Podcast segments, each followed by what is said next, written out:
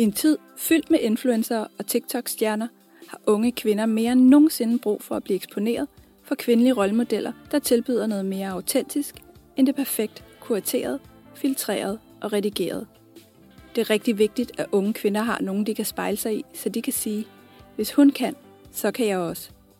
Du lytter til Frøken Fortuna, en podcast om kvindelige rollemodeller.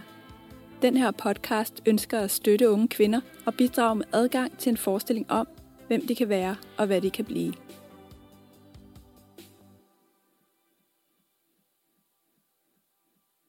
Velkommen til et afsnit af Frøken Fortuna.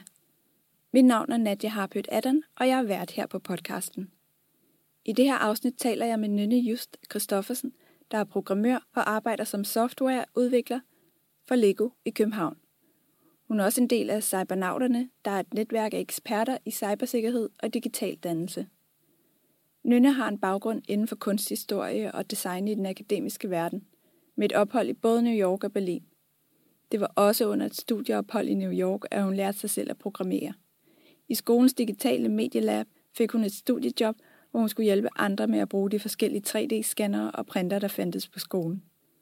Hun blev hurtigt grebet af teknologien, og ikke mindst det sociale aspekt i det, og i sin fritid tilbød hun sammen med en medstuderende kurser i at lære de studerende på skolen at bruge de forskellige maskiner.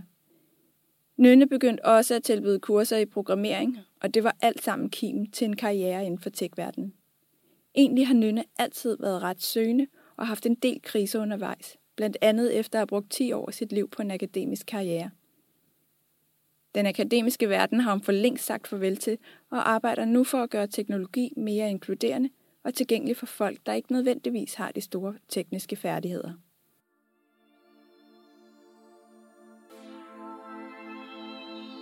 Nynne, hvad betyder succes for dig? Jamen, øh, jeg tror, at succes, det har ændret sig for mig over tid, hvad succes betyder.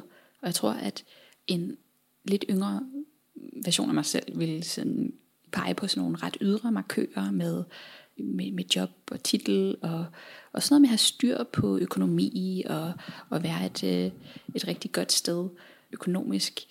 Og der hvor jeg er i dag, der tror jeg, at succes det handler om simpelthen at have det godt. At have det godt i mit arbejdsliv, og have det godt i mit liv generelt, og have plads til ting, som også ikke er arbejde.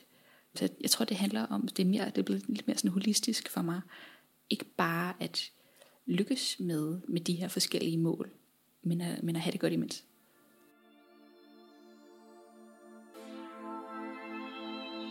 Jeg hedder Nynne Jys Christoffersen, og jeg er softwareudvikler. Jeg arbejder for Lego. Før det, så har jeg arbejdet en del forskellige andre steder, både her i København, men også i udlandet. Før vi kommer ind på det, kan du så lige kort fortælle, hvor vi sidder henne, og hvorfor vi er her?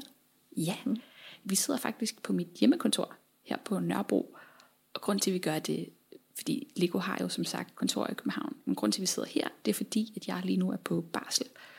Og øh, jeg er så hjemme med mine to små drenge. Jeg fødte tvillinger for tre måneder siden. Og det var sødt af dig, at du gerne ville tage herhjem, og vi lige kunne få det til at passe. Og så, altså, så er det jo også ligesom med til at, når vi har den her snak om karrierevalg og, og, og hvad for nogle øh, forskellige beslutninger man træffer omkring alt muligt, altså, så er det jo også en del af historien. Det der med at få passet et, et familieliv ind og sådan nogle idéer og drømme, man har om, hvad man vil der. Så jeg synes det egentlig, det er ret fint, at vi tager den her snak lige nu.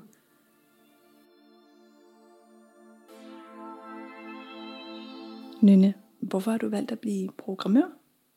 Det der med at blive programmør, altså det var ikke, jeg, jeg, det var ikke noget, jeg startede med.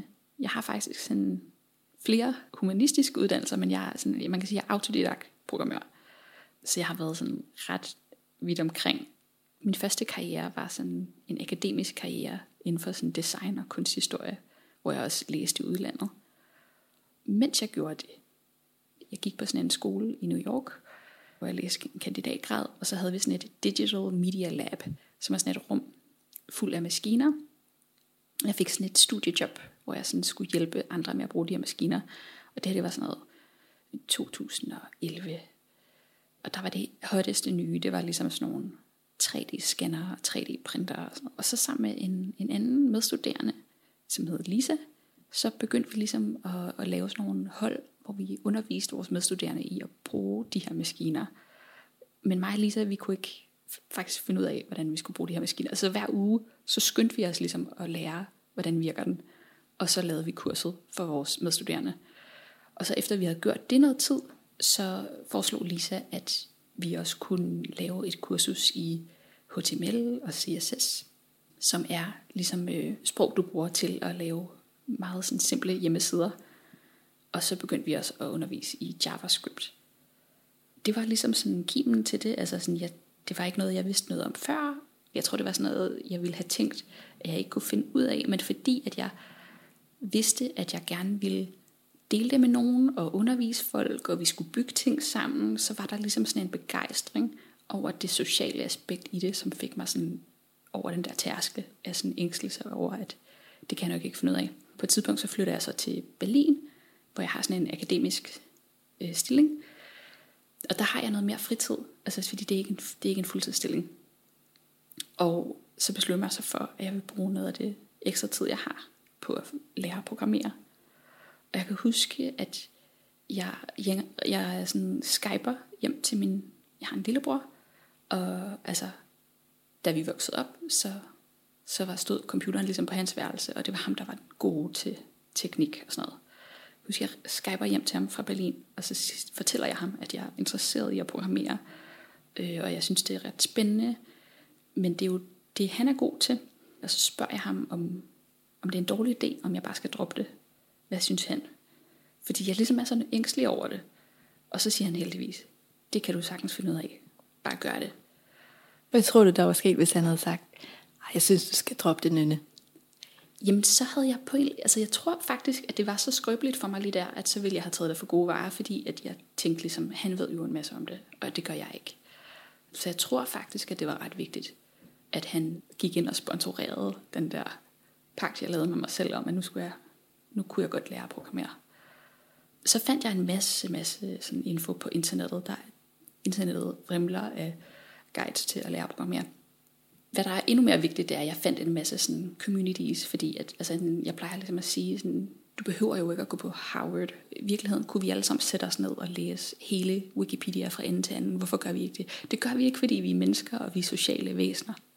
Så, så, så for de fleste, selvom der er al mulig information, som er tilgængeligt, så det er ikke det samme som, at du kan sætte dig ned og, og øh, absorbere det. Og derfor så tror jeg også, at noget, der gør, at jeg lykkes med at kom ind i at programmere, det var, at jeg fandt de her sådan, sociale sammenhæng, fordi jeg er sådan et socialt væsen, et socialt menneske, som, har sådan, som virkelig bliver motiveret af at være sammen med andre om at bygge ting.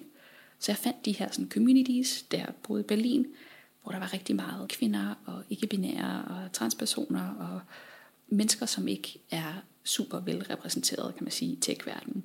Meget af det var sådan, ja, sådan lidt aktivistisk og handlede om at få flere ind. Handlede om at få lært folk op. Noget af det handlede om at kæmpe for privatliv, og det var ligesom tech og noget andet. Teknologi som middel til at opnå ting, som et rigtig praktisk værktøj. Så jeg begyndte ligesom at komme i de her fællesskaber og få noget undervisning, og så ret hurtigt efter, så det blev min metode at gøre tingene på, så begyndte jeg også at undervise andre. Når jeg sådan havde været til et par workshops, så kunne jeg jo også hjælpe med at lave den næste gang. Og det blev bare virkelig, virkelig positiv ting for mig. Jeg mødte nemlig rigtig mange kvinder, som også var langt længere hen i deres tekniske karriere, som blev mine rollemodeller og blev mine venner. Og jeg tror, at det var noget af det, der gjorde, at jeg sådan kunne se for mig, det her, det kan jeg godt. Det kan jeg måske godt lykkes med en dag, hvis jeg ville gå den vej.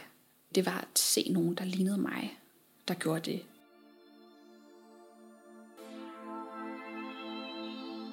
Er det vigtigt for dig at lære fra dig? Jeg kan nemlig se, at du har nem, inde på din egen hjemmeside, har du det her ressourcebibliotek, hvor du har lagt flere gratiskurser op og guides og også en e-bog. Ja, det synes jeg. Mm. Altså, fordi jeg tror, at, at på en eller anden måde, sådan alle årene, mens jeg har været mentor for andre, eller undervist andre i at programmere, så tror jeg, det har været med til at holde mig selv i branchen. Når jeg har haft oplevelser, hvor at jeg har tvivlet på, at jeg god nok, eller burde jeg være her, eller jeg ser anderledes ud end de andre, eller når jeg har haft oplevelser, som har fået mig til at tvivle, så har det faktisk, det her med at undervise, det har, det har været utrolig sådan meget med til at grounde mig i, ja, jeg må godt være her. I det, at jeg har sagt til nogle andre, du må godt være her. Så man kan sige, at det har haft sådan en psykologisk effekt på en måde, så jeg også bare mødt virkelig mange mennesker og haft rigtig mange sjove oplevelser med at undervise. Og, og så sidst men ikke mindst, så tror jeg virkelig på, at der er plads til, og der skal flere mennesker ind af alle mulige forskellige slags, der bygger den teknologi, som vi er omgivet af. Og lidt i forlængelse af det, du siger, hvilken betydning tror du, det har, hvis de her produkter og services, som virksomheder producerer og designer, primært kun er designet og kodet af mænd, hvilken betydning tror du, det har? Jamen altså, du bygger en, en verden, som, som er ekskluderende i, i sin, sit grunddesign. Altså på en måde kan du sige, du kan, du kan ikke se det på forskellige måder. Du kan sige, at det er spildte muligheder. Altså det er spildt alt det, vi kunne bygge, som ikke bliver bygget. Alt det, vi kunne skabe, som ikke bliver skabt. Men det er også ekskludering. Og det tror jeg, det tror jeg er vigtigt, når du kigger på, jeg jeg er webudvikler, og sådan, hvad for et web vi bygger. Øhm, jeg tror også endnu mere, når du kigger på det lidt mere sådan fugle perspektiv og snakker om, hvad for noget data vi opbygger vores internetliv rundt omkring. Både hvad for noget data, der ikke bliver indsamlet, som måske burde blive gjort det, og også hvad for noget data, som vi faktisk ikke skal overvåges. Der er så mange forskellige beslutninger, som handler om, hvordan hele vores liv på internettet ser ud, som påvirker os dybt.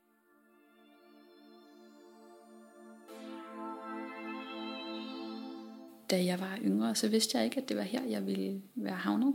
Når jeg kigger tilbage nu, så kan jeg godt finde på sådan en, en, en rød tråd og sige, at det hele hænger sammen og sådan noget. Men, men egentlig har jeg sådan været ret søgende og også haft en del kriser undervejs. Og jeg tror, at en af de største kriser, det var det her med, at jeg faktisk brugte 10 år af mit liv på den her første karriere, og endte med at, at forlade den.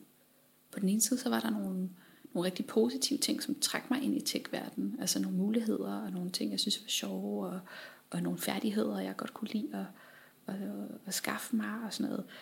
Og på den anden side, så tror jeg også, at det er en historie, som handler lidt om, at jeg fandt ud af, at det var lidt for hårdt for mig at være i den der akademiske verden. Jeg var ligesom på det her elitære track, hvor at når du prøver at gøre akademisk karriere, så, så går det ultimativt efter at blive ansat ved et eller andet universitet.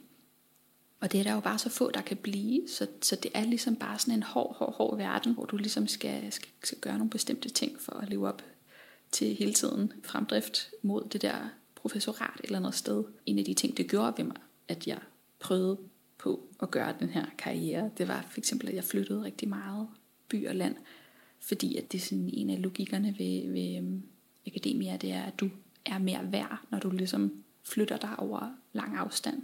Det var jeg jo vildt committed til, men på, en eller anden, på en eller anden måde, så, så var der også nogle, nogle, nogle kår, eller ligesom nogle oplevelser, jeg havde i den, den her verden, som gjorde, at jeg følte, at det var ikke sikkert.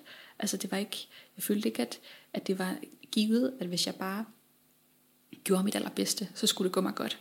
Fordi det virkede som sådan en usikker verden, og også nogle gange uretfærdig og hård på mange måder. Og jeg tror, det var også noget af det, der gjorde, at jeg tillod mig selv altså at, at bruge så meget krudt og tid på at komme ind i det tekniske, som så blev sådan fristet. Det blev sådan virkelig sådan sjov og leg, og det der var det fede at, at gøre ved siden af det akademiske. Det var også fordi, at jeg på en eller anden måde tænkte, sådan, det, var, det er nok også meget smart at have den her redningsflåde. Og så sker der så det, at på et tidspunkt, så vælger jeg så at skifte helt over. Og det var faktisk ret svært for mig at træffe den beslutning. Hvordan? Jamen jeg tror, jeg blev ligesom ved med at have en fod i begge verdener, fordi jeg jo havde den her, den her akademiske stilling, fordi den var deltid. Så på et tidspunkt, så havde jeg et deltidsjob som programmør. Og jeg arbejdede stadigvæk ved universitetet, så jeg prøvede ligesom at gøre det hele på én gang. Og så tror jeg også, at jeg, sådan, jeg prøvede at finde ud af, sådan, kan jeg kombinere det og sådan noget. Det endte faktisk med, at jeg så til sidst valgte at flytte tilbage til København. Og på en eller anden måde starte forfra og sige, sådan, nu er jeg bare programmør. Og det var faktisk en kæmpe, kæmpe stor lettelse for mig at slippe det der med, at det skulle hænge sammen det hele. Det jeg måtte også ligesom erkende over for mig selv, at det her akademiske, der var et eller andet forfængeligt ved det, at jeg synes, at det så så godt ud. Det var ligesom sådan en stige, du klatrer op af. Jeg skulle på en eller anden måde tilgive, eller sådan tillade mig selv at gøre noget helt andet. Det var ligesom om det øjeblik, jeg, jeg droppede ud af den der karriere, så var det ligesom også, som om jeg sagde, at det ikke var det værd. At det havde ikke været det værd mm. at blive der. Det var virkelig et mindfuck. Det var virkelig svært for mig at gøre. Men da jeg så gjorde det, så var det helt fantastisk. Fordi så var jeg fri, og så kunne jeg gøre lige, hvad jeg ville. Og så kunne jeg, så lavede jeg, jeg har lavet simpelthen så mange sjove ting de sidste par år. Altså virkelig, virkelig mange sjove ting. Og givet mig selv lov til at nyde mit arbejdsliv. Og gå til det med så meget kreativitet og frihed. Det har været en, en, en befrielse. Og jeg tror måske, at det er noget af det smukke ved den her historie, det er, at tech blev ligesom mit fristed. Mm. Og blev ved med at være det.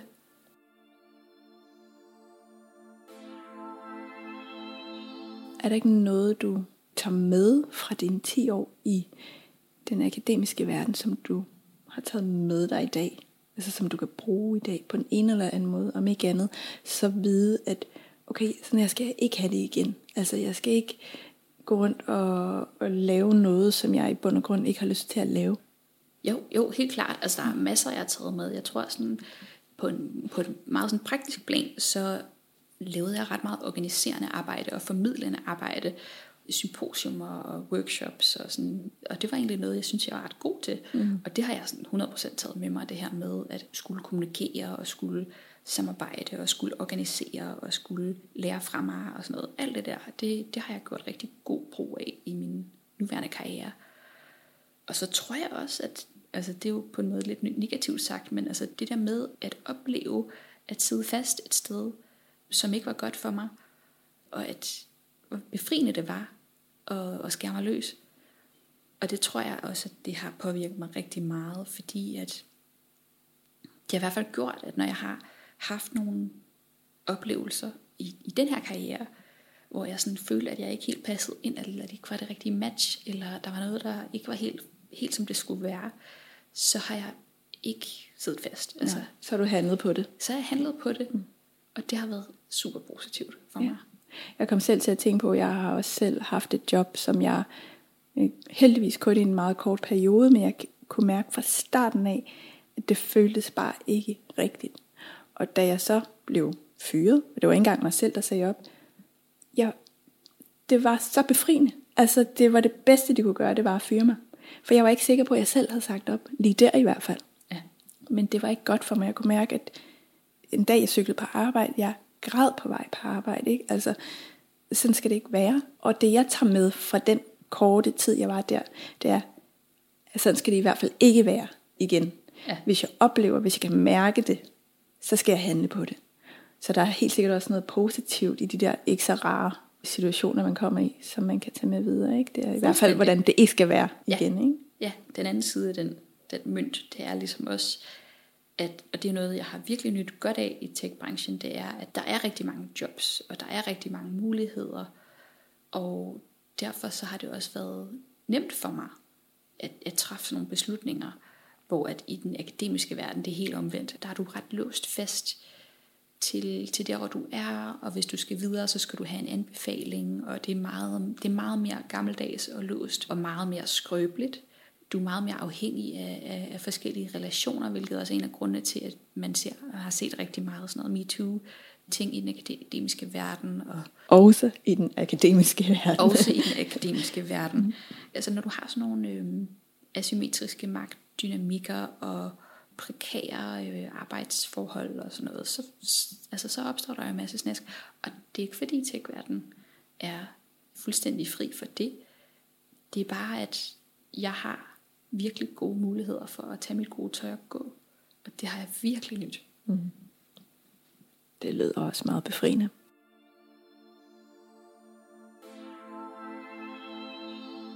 Lad os komme lidt mere ind på den branche. Fordi for mig og andre, der ikke kender til softwareudvikling, kan du beskrive, hvad det er for en branche, du arbejder indenfor? Ja, det der er sjovt ved at være en person, der skriver kode, det er, at du kan få utrolig mange forskellige slags jobs, eller jobs forskellige slags virksomheder, skulle jeg sige. Så jeg har arbejdet meget forskellige steder, også forskellige størrelser, men også hvor at produktet har været totalt vidt forskelligt. Men den røde tråd er ligesom, at jeg, ja, at jeg bidrager med at skrive kode. Jeg startede med at blive interesseret i et, et programmeringssprog, som hedder Ruby, og et framework, der hedder Rails. Og det gjorde jeg simpelthen fordi, at da jeg boede i Berlin på det tidspunkt, der var der et community, der hedder Real Girls, som jeg røg ind i, som jeg synes var mega fedt. Og derfor så er det sådan, at, at hvis folk spørger mig, hvad skal mit første programmeringssprog være? Jeg vil gerne lære at programmere, hvad skal jeg lære for et sprog? Så plejer jeg ligesom at sige, har du nogle venner, der programmerer? Hvad for et sprog bruger de? Lær det sprog. Grunden til, at jeg siger det, det er fordi, netop fordi jeg synes, at vi undervurderer, hvor socialt det er at programmere i det hele taget, men også og især komme ind i det som begynder. Og det er simpelthen sådan, at når du skal lære kode, vi kan alle sammen lære kode, det er ikke udelukket for nogen, men det er, altså det kræver ret meget flid og disciplin, og det kræver rigtig meget hårdt arbejde. Og så er det bare sådan, at når du lærer det, altså det kan være ret frustrerende, når du sidder helt alene, og noget ikke virker, og du ikke ved hvorfor, og du kan have lyst til at kylde din computer ud af vinduet. Det er okay at sidde lidt og sprælle med, med ting, men, men det er demotiverende at være fuldstændig os alene, og aldrig have nogen at kunne, kunne spørge om hjælp. Og derfor så er det også ret, det er ret smart at lære noget, som, altså hvor du har en, en connection med nogen, som du kan spørge om hjælp. Det er virkelig guld værd. Har du brugt det meget? Det har jeg, det har jeg, ja. Og det bruger jeg jo også i dag. Altså sådan er det at sidde på mit arbejde. Man sparer hele tiden med kollegaer. Og på den måde er det også ret socialt. Og jeg ved ikke, om jeg ligesom er den typiske programmør på den måde. Men der er mange af mig i branchen, og der er også brug for mange af min slags. Når du siger mange af dig, hvad mener du så? Jamen den her person, som er sådan mere kommunikerende og mere udadvendt og samarbejdende. Når jeg siger mere, så holder jeg det op mod noget, men jeg tror, at det jeg holder op mod, det er den her total kliché, programmer nørde type, måske lidt på spektrummet, og sådan ikke rigtig snakker med nogen, og ikke rigtig går i bad og bor i sin mors kælder og sådan noget. Altså, vi har, der er sådan de her sådan destilleret ligesom sådan stereotyper, vi har, ikke? Og det ligner jeg jo ikke.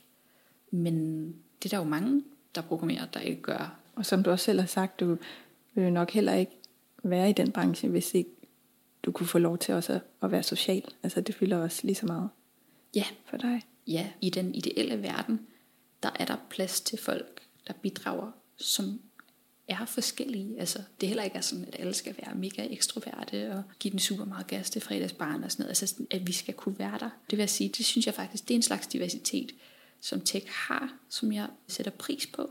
Der er en, jeg synes, der er en diversitet i forhold til, hvad skal man sige, hvor neurotypiske folk er. Altså, at der er plads til folk, der har forskellige grader af udadvendthed og mennesketække. Jeg har været på mange arbejdspladser, som har til gode set, at vi er forskellige på de her parametre og gjort plads til os. Så det lyder faktisk som en, en rummelig branche. De bedste steder, jeg har været, ja. Der er klart også nogle ting, der kan forbedres. Så som.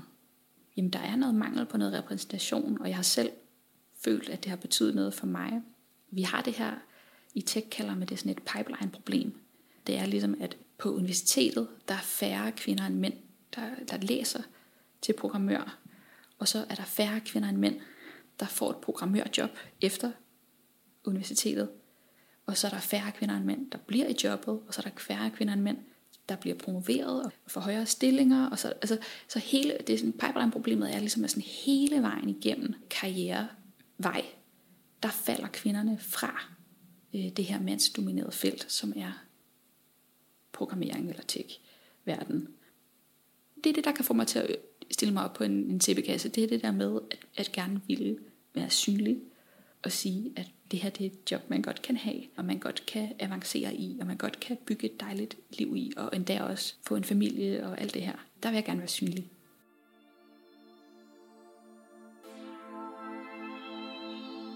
Lad os lige komme ind på øh, det med rollemodeller, fordi du har det lidt ambivalent med at kalde dig selv for en rollemodel, men kan du måske komme med nogle bud på, hvad du synes, det indebærer at være en god rollemodel?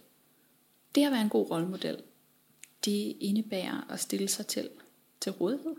En af de mest sådan effektive ting, der har hjulpet mig i min karriere, det er, når andre kvinder i den her branche har fortalt mig, hvad de fik i løn.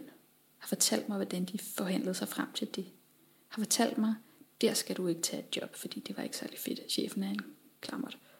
Altså, der er sådan ret mange snakke, som jeg har haft med folk, som har hjulpet mig sindssygt meget. Altså som er på et andet plan, end jeg måske lige vil lave en artikel om og dele på LinkedIn. Så det er på en eller anden måde en, en, det her med at hjælpe hinanden og, og give nogle gode råd og sparring. Fordi der er enormt mange svære situationer, som du skal navigere. For eksempel sådan noget som at forhandle din løn. Eller der er så mange ting, som jeg ikke vidste, hvordan jeg skulle gøre. Og hvor det har været nødvendigt for mig at spørge nogle andre.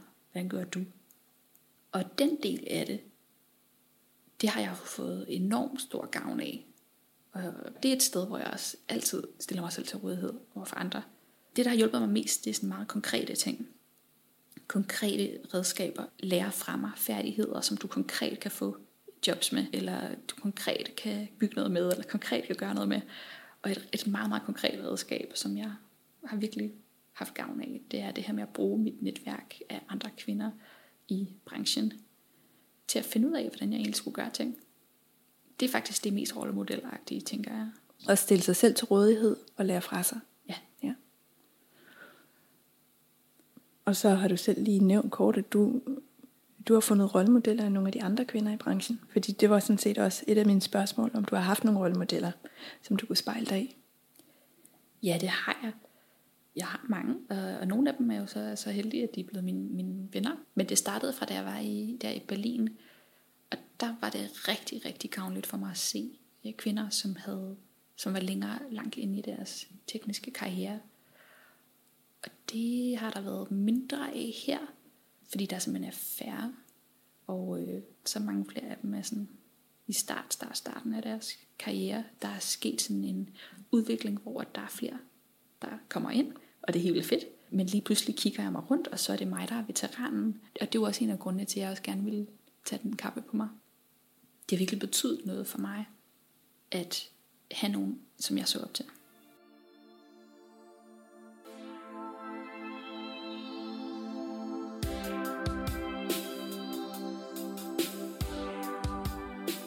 Har du her til allersidst et par gode råd, du vil give til dit yngre jeg, måske inden du tog springet? Ja, jeg tror, jeg vil sige til mig selv, at der ikke er nogen bestemt person, som må få lov at være teknisk. At det kan vi alle sammen være. Og øh, du skal ikke se ud på en bestemt måde, eller være på en helt bestemt måde, for ligesom at få lov at få en plads. At vi må godt være her.